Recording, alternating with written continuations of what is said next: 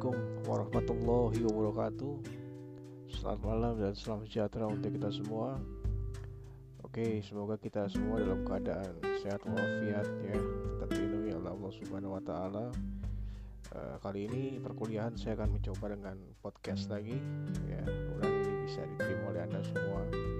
Oke, pada pertemuan kali ini saya akan membahas mengenai uh, apa materi tentang salah satu bisnis yang membahas tentang uh, nama dagang dan daftar perusahaan.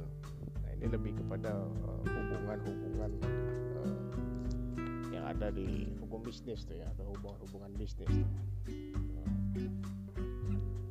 kalau kita bicara tentang bisnis itu ruang lingkupnya luas sekali, banyak sekali itu ya. Nah, saya akan membahas tentang hubungan bisnis uh, yang pertama itu banyak sekali hal-hal yang perlu anda ketahui bahwa tujuannya itu ada banyak sekali. Yang pertama uh, untuk meningkatkan keuntungan. Yang kedua untuk meningkatkan pangsa pasar sehingga produknya bisa dipasarkan ke masyarakat luas tuh. ketiga dia membantu pihak lain uh, dalam memasarkan produknya. Karena ada kalanya salah satu pelaku bisnis tidak bisa memasuki pasar tertentu dengan alasan-alasan teknis tuh. Nah, kemudian keempat untuk meningkatkan permodalan dari suatu entitas entitas bisnis tuh. Dan kelima itu dengan melakukan kerjasama akan meringankan biaya dalam promosi. Ada beberapa hal yang perlu anda ketahui dalam uh, mata kuliah hukum bisnis ini atau aspek hukum dan ekonomi. Ya uh, hal lainnya itu adalah mengenai agen, waralaba, uh, hak guna serah bangun, ya, BOT dan joint venture dan lain sebagainya ya. Nah, Oke, okay. saya akan masuk ke yang pertama yaitu mengenai keagenan. Nah, agen dan distributor uh, sepertinya sama tapi dia ada dua hal yang berbeda ya. Nah, kalau yang mendasarinya atau yang melatar belakanginya adalah kalau pihak luar negeri itu tidak diperbolehkan untuk menjual produknya atau barangnya secara langsung baik ekspor maupun impor ke Indonesia. Untuk itu dia harus menunjuk seorang dia harus menunjuk prinsipal atau pihak asing untuk menunjuk agen-agennya atau perwakilannya di Indonesia. Jadi pihak asing maksud saya maaf pihak asing dalam hal ini prinsipal dia harus menunjuk agen-agennya atau perwakilan di Indonesia untuk memasarkan produknya. Jadi tidak semua produk dari luar negeri itu dia bisa langsung jualan di Indonesia. Dia harus menunjuk se uh, harus menunjuk uh, agen sebagai perwakilan di Indonesia. Sebut saja kayak iPhone ya Xiaomi segala macam dia harus menunjuk uh, agennya di Indonesia. Dia tidak bisa Xiaomi langsung jualan di Indonesia nggak bisa tuh ya. Nah, jadi hubungan bisnis antara keagenan dan distributor adalah dua hal yang sangat berbeda nah kalau seorang bertindak atau badan bertindak sebagai agen maka ia bertindak untuk dan atas nama prinsipal apa itu prinsipal? Prinsipal adalah pihak asing. Nah, sedangkan bila seseorang atau badan bertindak sebagai distributor, berarti ia bertindak untuk dan atas namanya sendiri. Jadi berbeda ya antara uh, keagenan dan distributor. Nah, jadi intinya keagenan adalah wewenang yang dipunyai oleh agen itu untuk bertindak untuk dan atas nama prinsipal atau pihak asing. Nah, jadi setiap agen-agen misalnya sebutlah handphone iPhone atau Xiaomi apa pun itu maka dia bertindak untuk dan atas nama si Xiaomi atau bertindak untuk dan atas nama si uh, iPhone tersebut. Nah, kalau distributor dia tidak bertindak untuk dan atas nama pihak yang menunjuknya sebagai distributor. Jadi distributor itu dia bertindak hanya untuk dan atas nama sendiri. Jadi berbeda. Kalau keagenan dia bertindak atas nama pihak prinsipal atau pihak asing yang menunjuknya. Sementara distributor itu dia bertindak untuk dan atas nama pribadi sendiri. Jadi tidak melibatkan uh, si pihak asingnya atau si prinsipalnya gitu ya. Paham ya? Nah, perbedaannya antara keagenan, distributor maklar dan komisioner. Ini kita masuk ke tambahannya maklar dan komisioner. Kalau maklar itu seseorang yang bertindak sebagai perantara dalam suatu transaksi bisnis antara pihak-pihak yang tersangkut. Dia tidak bisa bertindak atas nama satu pihak pada saat transaksi. Jadi maklar atau broker dia tidak bisa bertindak atas nama salah satu pihak. Ya, apa istilahnya maklar, calo, apalagi ya banyak istilahnya seperti itu, penghubung segala macam. Dia tidak boleh bertindak untuk dan atas nama salah satu pihak. Jadi tugasnya adalah hanya mempertemukan si penjual dan pembeli selesai maka si maklar itu akan mendapatkan komisi nah sebenarnya kalau komisioner itu dia pelaksana jual beli atau barang atau jasa melalui seorang perantara dengan memberikan kuasa kepada perantara tersebut untuk bertindak atas namanya tapi tanggung jawabnya sendiri dengan menerima komisi atas jasa. Jadi kalau komisioner itu dia boleh bertindak atas nama salah satu pihak. Nah, kalau maklar tidak boleh dia bertindak atas nama salah satu pihak tapi kalau komisioner dia boleh bertindak atas nama salah satu pihak.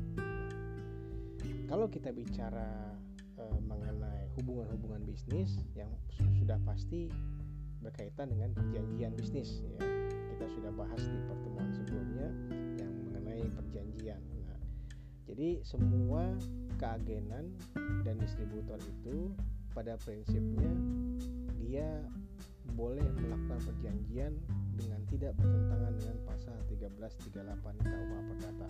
Nah, sebagai contoh begini. Contoh keagenan. CV ABC ya merupakan agen yang bergerak di bidang pemasaran LPG milik Pertamina gitu ya. Nah, sebagai prinsipalnya dan dalam tindakannya tersebut CV ABC itu dia memasarkan LPG kepada konsumen sebagai pihak ketiga untuk dan atas nama PT Pertamina Persero. Nah, jadi kayak agen gas segala macam itu dia adalah bertindak untuk dan atas nama Pertamina. Jadi kalau gitu, Pak, eh, agen itu dia ditunjuk ya, dia harus mengajukan eh, dirinya kepada Pertamina untuk menjadi agen karena dia mewakili Pertamina sebagai pihak ketiga untuk memasarkan gas LPG misalnya. Nah, beda lagi kalau misalnya kayak distributor distributor tuh misalnya begini ada PT Danone Indonesia Tbk sebagai prinsipal dan sebagai distributornya adalah PT Anta Iga Abadi yang sepakat bahwa PT Anta Iga Abadi membeli produk air mineral untuk kemudian dipasarkan kepada konsumen PT Danone. Nah, itu berbeda ya. Jadi kalau si PT Danone ini dia punya produk, kemudian dis, yang mau yang mengajukan diri untuk jadi distributornya adalah PT Anta Iga Abadi. Maka itu berbeda antara tadi keagenan si penjual gas itu dengan si distributor yang menjual air mineral ya. ada dalam hubungan bisnis pasti ada namanya event of default atau perselisihan. Nah itu nanti anda bisa lihat di slide ya. Apa saja penyebab-penyebab dari event of default atau perselisihan. Nah, kemudian hubungan bisnis selanjutnya adalah mengenai franchising atau hak monopoli. Nah, awalnya franchising ini bukan dianggap sebagai konsep, metode atau sistem pemasaran. Ya, bukan dipandang seperti itu. Dan saya saya ingin saya ingin Anda tidak salah nih ya mengenai istilah franchiser dan istilah franchise. Kalau franchiser itu adalah perusahaannya, sementara franchise adalah pihak lain atau pemilik outlet. Jadi berbeda ya antara istilah franchiser dan franchise. Apa contohnya? Kalau franchise tuh kalau dulu McDonald ya, kemudian apalagi kayak ayam-ayam Kentucky Kentakian tuh ya, itu kan franchise ya kemudian makanan bubble uh, minuman bubble makanan-makanan segala macam itu franchise.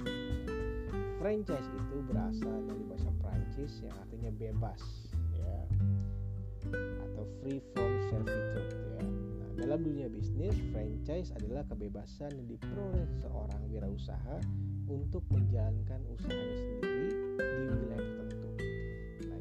franchise itu anda misalnya punya uang anda punya modal tapi anda nggak tahu nih mau usaha apa ya udah saya beli aja franchise misalnya ayam gitu ya. Nah, maka anda sudah anda beli franchise-nya uh, ayam tersebut anda bayar franchise-nya dengan beberapa kesepakatan dan perjanjian dalam situ. Nah, akhirnya maka dari situ akhirnya franchise dianggap sebagai konsep dan metode pemasaran. Definisi franchise dia sebagai suatu sistem pemasaran atau distribusi barang dan jasa di mana sebuah perusahaan induk atau franchiser memberikan kepada individu atau perusahaan lain yang berskala kecil dan menengah dan hak dan memiliki hak-hak istimewa untuk melaksanakan suatu sistem usaha tertentu dengan cara yang sudah ditentukan. Jadi apabila Anda membeli franchise eh, produk tertentu, maka Anda Anda masuk ke dalam sistem yang sudah ditentukan, yang sudah diatur, yang sangat rigid atau kaku, di mana Anda harus patuh di dalam seluruh aturan yang ada di franchise itu. Apa contohnya? Misalnya Anda membeli franchise ayam goreng gitu, maka standar pelayanan seperti apa, resepnya seperti apa, menunya seperti apa, bahan bakunya harus dari mereka pemilik franchise gitu ya. Nah itu anda dibuat kaku, anda hanya berjualan saja, tapi semuanya sudah disediakan oleh si perusahaan franchise tersebut gitu ya. Contohnya nanti anda bisa bisa bisa cari, ya bisa bisa bisa bisa browsing. Nah, nah dasar hukum franchise adalah kontrak antara kedua belah pihak masuk ke perjanjian lagi ya saya kaitkan. Jadi dasar hukum franchise adalah kontrak antara kedua belah pihak antara si pemilik franchise dan si pemilik franchise gitu ya. Jelas ya. Kalau joint venture eh, kemarin sudah saya singgung sedikit ya. Joint venture adalah penggabungan modal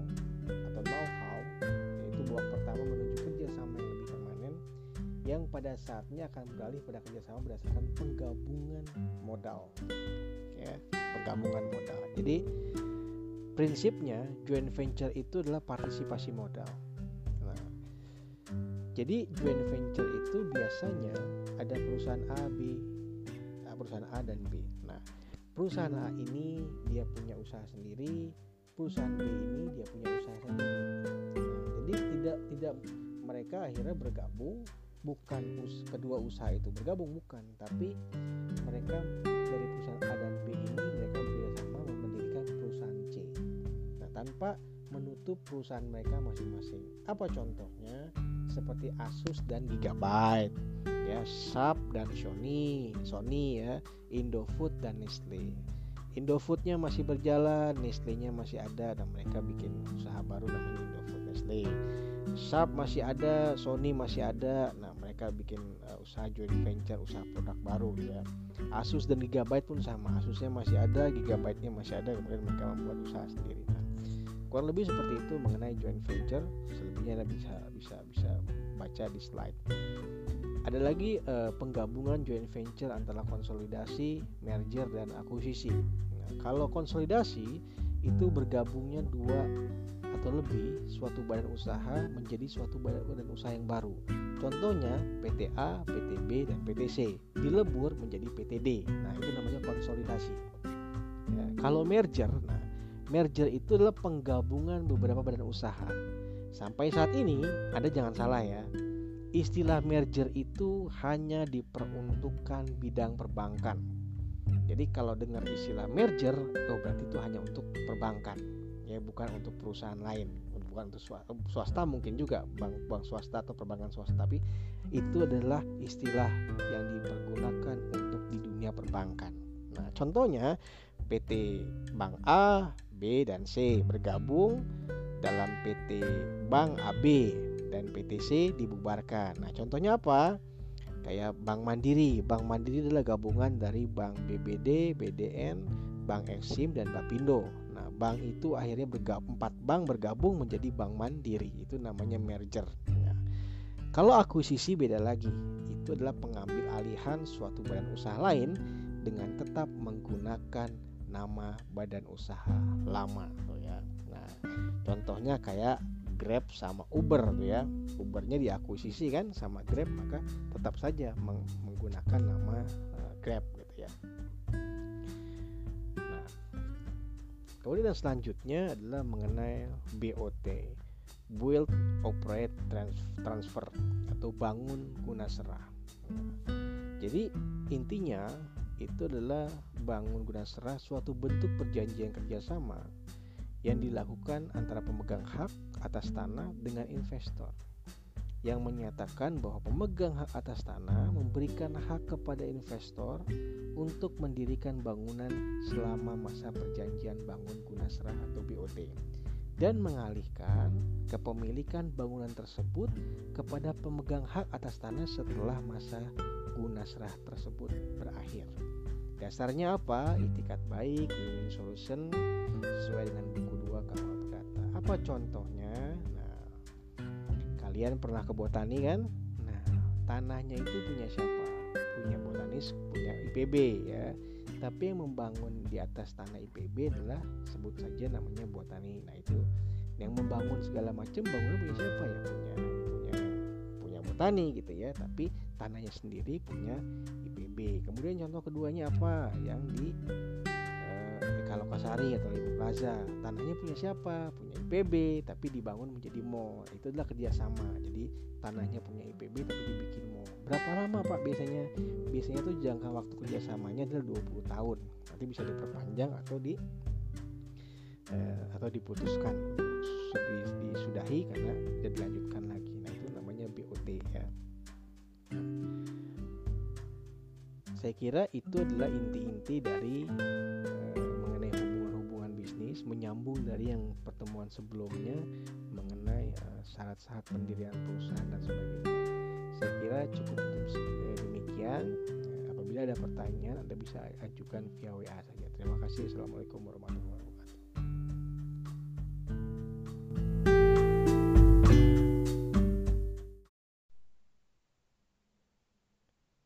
Assalamualaikum warahmatullahi wabarakatuh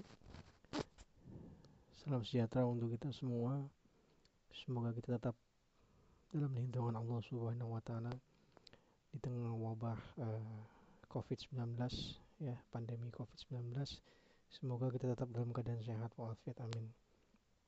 Baik pada pertemuan uh, kali ini Pertemuan ke-6 Saya akan membahas mengenai uh, materi dari hukum bisnis yaitu tentang merek dagang ya merek dagang dan pengusaha serta para pembantu-bantunya.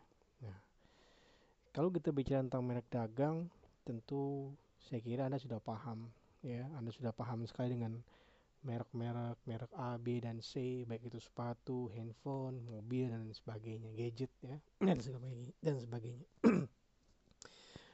nah, ada istilahnya namanya haki kalau anda pernah mendengar istilah haki hak kekayaan intelektual atau atau intellectual property rights ya atau hak cipta tuh. Nah, kalau kita bicara tentang hak milik intelektual itu sudah pasti berkaitan dengan aspek teknologi, ekonomi dan seni, gitu ya. Nah, kalau kita bicara tentang uh, hak kekayaan intelektual atau hak milik intelektual atau intellectual property right itu berkaitan sama aspek teknologi, ekonomi, dan seni. Ada cerita begini. Mungkin Anda tidak asing dengan sebuah brand atau merek ya. Namanya Pierre Cardin. Nah, Pierre Cardin itu adalah aslinya itu berada dari atau berasal dari Italia itu. Nah, jadi ketika itu Pierre Cardin datang ke Indonesia dari Italia, dia main-main ke Jakarta, dia ngelihat kok ada tas sepatu dompet merek Pierre Cardin. Sementara di Indonesia belum pernah mengajukan permohonan izin untuk mengeluarkan brand menggunakan nama Pierre Cardin. Maka akhirnya digugatlah si perusahaan Pierre Cardin yang di Indonesia itu.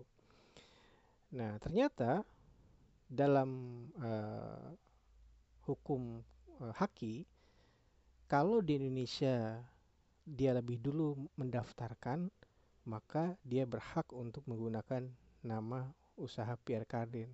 Jadi intinya di Indonesia itu sudah ada seorang pengusaha yang menggunakan nama Pierre Cardin dan dia sudah mendaftarkan di, di, di apa nama atau brand Pierre Cardin itu di uh, Dirjen uh, Direktorat Hak Kekayaan Intelektual atau HAKI. Jadi dia lebih dulu mendaftarkan brands itu di Indonesia sehingga begitu Pierre Cardin yang dari Italia itu datang ke Indonesia dia tidak bisa menggugat, gugur lah gugatan. Nah, kalau bicara tentang karya-karya yang lahir melalui kemampuan intelektualnya, daya cipta, rasa maupun karsanya. Nah, itu adalah inti dari uh, apa yang dimaksud dengan hak milik intelektual. Nah, karena kenapa haki itu begitu apa begitu sangat luar biasa karena dan sangat dihargai kalau di luar negeri itu uh, apa hak cipta itu sangat diutamakan sekali gitu, sangat dilindungi. Kenapa? Karena namanya hak cipta itu adalah berdasarkan dari pengorbanan tenaga, pikiran, waktu dan bahkan biaya.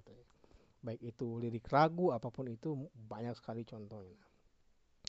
Undang-undang tentang hak cipta itu eh, pengertiannya adalah bahwa hak cipta adalah hak eksklusif atau penerima hak untuk mengumumkan atau memperbanyak ciptaannya atau memberikan izin untuk itu dengan tidak mengurangi pembatalan pembatasan menurut peraturan perundang-undangan.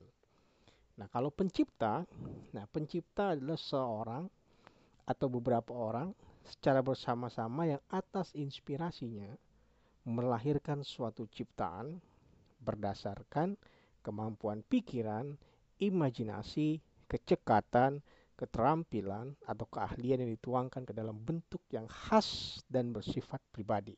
Nah, itu namanya pencipta. Jadi ada dua hal ya. Ada hak cipta, ada juga pen, pencipta. Nah, kalau ciptaan, ciptaan adalah hasil karya pencipta yang menunjukkan keasliannya dalam lapangan ilmu, pengetahuan, seni atau sastra. Nah, kalau lagu apa yang lagi yang booming ya, lagu dari band tertentu atau seseorang itu adalah ciptaan. Lagu ini ciptaan siapa? Itu memiliki hak cipta. Nah, Nah, itu mengenai uh, pengertiannya. Nah, kalau kita ambil contoh di luar negeri, Anda tentu tidak asing dengan penyanyi namanya Bruno Mars, ya. Penyanyi namanya Bruno Mars. Ketika itu Bruno Mars pernah membawakan lagu yang berjudul Uptown Funk, ya. Nah, ketika itu Bruno Mars, ya, dan pencipta itu digugat, ya oleh Lastrada Entertainment. Kenapa? Karena lirik dari lagu Uptown Funk itu, Anda bisa dengarkan nanti di YouTube, ternyata mirip dengan uh, lagu atau partnya lagu band tahun 80-an. Ya, namanya Roger and Zep. Ya, judulnya More Bones to the Ons. Nah, akhirnya mereka mengajukan tuntutan terhadap Ronson.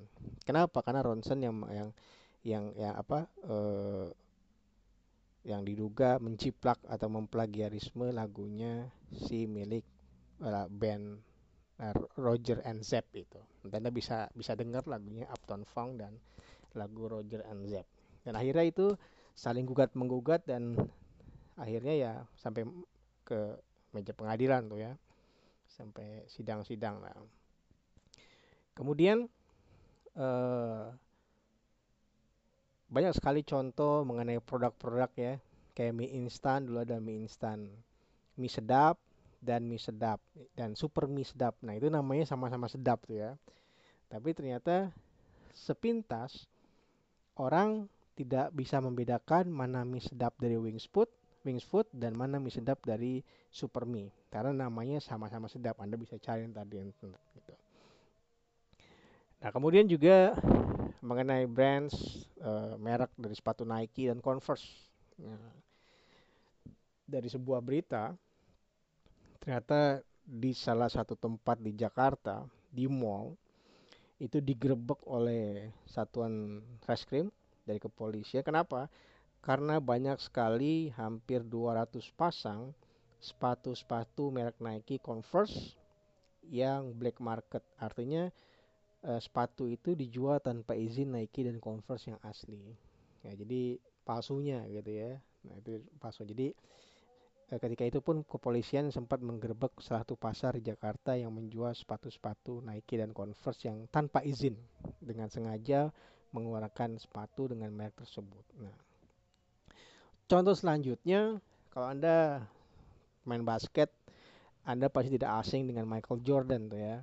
Nah, Michael Jordan yang bekerja sama dengan Nike ketika itu sampai sekarang dengan nomor punggung 23 ya nomor ininya. Nah, Michael Jordan itu menjadi brands atau merks tersendiri untuk produk-produk olahraga maupun produk lainnya itu ya, terutama untuk olahraga kayak sepatu, baju dan lain sebagainya. Nah, karena Michael Jordan sudah mendaftarkan uh, brands merek Jordan dan brands uh, nomor 23 iya itu pasti sudah identik dengan Michael Jordan. Dan ternyata di Cina itu Michael Jordan pernah men menggugat ya sengketa merek dagang ke Mahkamah Agung di Cina. Kenapa? Karena ada satu salah satu perusahaan eh, eh, toko di Cina yang menggunakan logo mirip dengan logo milik Michael Jordan. Nah, sehingga akhirnya Michael Jordan menggugat karena menurut Michael Jordan itu adalah merugikan dia sebagai pemilik hak atas merek tersebut. Nah, jadi banyak sekali lagu apa contoh-contoh mengenai gugat mengugat mengenai merek. Kalau masalah penciptaan lagu Anda bisa lihat di internet tuh banyaknya lagunya mirip, partnya mirip itu banyak sekali tuh ya. Nah, kalau bicara tentang jenis-jenis hak milik intelektual, ada namanya hak milik industri atau industrial industrial property yang terdiri dari paten, merek dan desain industri. Nah, ada yang kedua hak cipta atau copyright. Nah, itu Eh, karya-karya cipta di bidang ilmu pengetahuan, seni, sastra yang pada dasarnya adalah karya intelektualita manusia yang lahir sebagai perwujudan kualitas rasa, karsa, dan ciptaannya. Makanya kenapa kok di luar negeri itu para penyanyi rapper ya begitu dia bikin lagu lagunya meledak maka dia bisa kayak mendadak tuh ya kenapa karena hak ciptanya itu sangat mahal sekali gitu ya. Hak kontrak cipta itu sangat mahal sekali. Kalau contoh karya cipta seseorang seperti buku, pamflet, dan karya tulis, ceramah, kuliah, pidato, dan sebagainya. Kalau pertunjukan musik seperti karawitan, drama, tari, pewayangan, pantomin, dan sebagainya. Bahkan ciptaan tari, koreografi juga itu adalah hak ciptaan. Atau juga ciptaan lagu uh, yang menggunakan musik atau tanpa teks itu pun sama. Itu merupakan hak cipta juga. Nah selanjutnya contohnya adalah seni pahat seni patung kaligrafi ya seni batik ya, arsitektur peta sinematografi fotografi program komputer atau komputer program dan terjemahan tafsiran saduran dan penyusunan bunga rampai. Itu contoh-contoh nah ada contoh-contoh ciptaan yang tidak dilindungi ya apa itu Contohnya adalah hasil rapat terbuka lembaga tinggi tertinggi negara dan lembaga tinggi negara serta lembaga konstitusi lainnya. Itu adalah ciptaan yang tidak dilindungi. Kemudian kedua adalah peraturan perundang-undangan. Ya. Ketiga, putusan pengadilan atau penetapan hakim. Yang keempat, pidato kenegaraan atau pejabat pemerintah. Yang kelima, keputusan badan arbitrase, keputusan mahkamah pelayaran, keputusan panitia penyelesaian perselisihan perburuhan atau keputu dan keputusan badan urusan piutang negara. Itu adalah contoh-contoh ciptaan yang tidak dilindungi. Artinya siapa pun boleh boleh mengambil itu gitu ya. Nah, intinya hak cipta adalah suatu hak eksklusif khusus bagi si pencipta nah hak ini tidak dimintakan kepada pemerintah tetapi begitu seseorang menciptakan sesuatu dia harus mengumumkan dan namanya dicantumkan pada ciptaan itu. Nah, agar orang tersebut mempunyai hak eksklusif dan dilindungi oleh hukum, sebab kalau tidak diumumkan tidak bisa mendapatkan hak eksklusif. Nah, presiden ketiga kita, almarhum Profesor Dr. B.J. Habibie, beliau adalah salah satu pemegang hak cipta untuk ini anti kertakan kapal ya, apa pesawat terbang maksud saya. Nah, Pak Habibie itu almarhum adalah pemegang hak cipta anti keretakan uh, pesawat pada sayap. Nah, jadi beliau mem memiliki hak paten atas itu. Jadi semua maskapai penerbangan itu itu menggunakan hak cipta dari miliknya almarhum B.J. Habibie itu ya. Nah, kalau hak paten, hak paten adalah penemuan di bidang teknologi. Nah, penemuan di bidang di bidang teknologi ini misalnya dapat bentuk penemuan invention, pengetahuan secara ilmiah, atau varietas tumbuhan. Nah, menurut Undang-Undang Paten, paten adalah hak eksklusif yang diberikan oleh negara kepada inventor atau atas hasil invensinya di bidang teknologi. Jadi kalau kita bicara paten itu pasti bidangnya adalah bidang teknologi. Bagaimana contohnya bagi Anda pengguna motor Honda maka ada teknologi namanya ESP ya kalau nggak salah ya. Kemudian kalau Yamaha itu punya hak paten tentang blue core ya sehingga lebih irit bahan bakar dan sebagainya. Itu adalah contoh-contoh hak paten. Ya. Nah, kalau merek hak merek itu karya-karya seorang yang berupa tanda, baik tan berupa tulisan, gambar, atau kombinasi tulisan dan gambar yang diciptakan dengan tujuan untuk membedakan barang atau produk. Yang satu barang dengan produk yang lainnya. Tentu kita akan bisa langsung menilai mana logo Nike dan mana logo Adidas dan mana logo Reebok misalnya gitu ya, sepatu-sepatu sport. Nah, itu kita sudah bisa membedakan karena ada merek yang yang menjadi pembeda dari dari dari brand tersebut. Ada limbah pembatas merek, Anda bisa lihat di PPT ya yang sudah saya uh, ad, eh, sudah saya, saya sudah simpan di Google Classroom. Bagaimana proses sistem pendaftaran merek juga sama ya. Bagaimana contoh-contoh dari paten desain industri hak cipta sudah saya sampaikan di PPT ya merek jasa. Nah, kemudian contoh-contoh merek ya. Itu kayak Aqua, Matahari, IBM ya, atau Asus segala macam itu sudah saya sampaikan.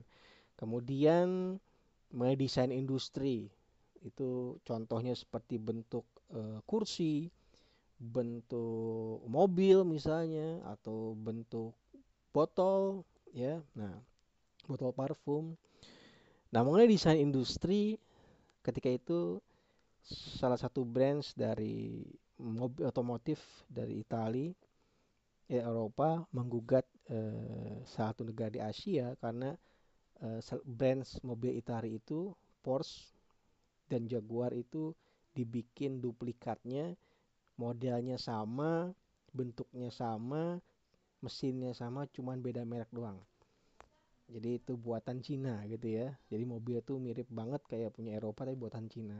Tapi akhirnya berlangsung di persidangan dan kalah tuh ya. Akhirnya uh, Cina di, dinyatakan kalah karena sudah mengambil desain industri dari mobil dari Eropa tersebut gitu ya. Ada nama desain tata letak sirkuit ya itu kayak kalau anda punya laptop atau handphone dalamnya tuh ada yang kayak hijau-hijau dan hitam tuh yang titik-titik nah itu adalah namanya desain sirkuit desain industri atau sirkuit.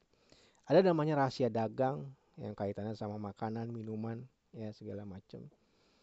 Jadi apa uh, yang berkaitan dengan rahasia rahasia bagaimana membuat makanan minuman tidak bisa dipublikasi gitu ya. Ada lagi namanya uh, hak kekayaan indikasi geografis Contohnya itu seperti ubi celembu, ya itu lebih ke daerah ya. Salak Pondo Sleman, kopi ga, Arabica Gayo, nah itu ada contoh-contoh. Nah, mengenai jenis-jenis paten dan sebagainya, fungsinya, informasinya Anda bisa lihat di Google Classroom di materi yang sudah saya sampaikan. Bahkan ada uh, Anda bisa cari-cari bagaimana contoh uh, dari hak cipta, hak paten, desain industri dan merek ya itu ada di PPT. Nah kalau kita ambil contoh di di di acara televisi Opera Van Java, nah dalam Opera Van Java itu skenario ceritanya itu adalah hak cipta. Nah, TV yang menayangkan acara Opera Van Java misalnya itu namanya merek. TV-nya merek apa? Atau uh, uh, Trans 7 sudah pasti ya. Nah, kemudian mengenai baju para pemainnya, setnya segala macam itu desain industri. Nah gambarnya itu adalah hak cipta. Nah jadi dalam satu rangkaian acara uh, apa acara komedi di Opera Van Java itu sudah banyak sekali eh, hal-hal yang berkaitan dengan hak kekayaan intelektual. Nah, kemudian kalau untuk pengusaha dan para pembantunya, uh, kita sudah sampaikan, saya sudah sampaikan kemarin mengenai pengertian perusahaan. Nah, setiap perusahaan itu pasti ada para pembantu-pembantunya, baik itu direktur, kepala bagian dan sebagainya, itulah namanya para pembantu-pembantu perusahaan. Ada pemimpin perusahaan, pembantu pengusaha, kemudian istilah-istilah dalam lingkungan pengusaha seperti pemegang prokurasi, pengurus filial, pelayan toko, pekerja keliling itu adalah teori-teori uh, mengenai pengusaha dan para pembantunya. Saya kira Anda bisa lihat di uh, eh, PPT yang sudah saya sampaikan di GCR. Baik, cukup sekian. Terima kasih. Assalamualaikum warahmatullahi wabarakatuh.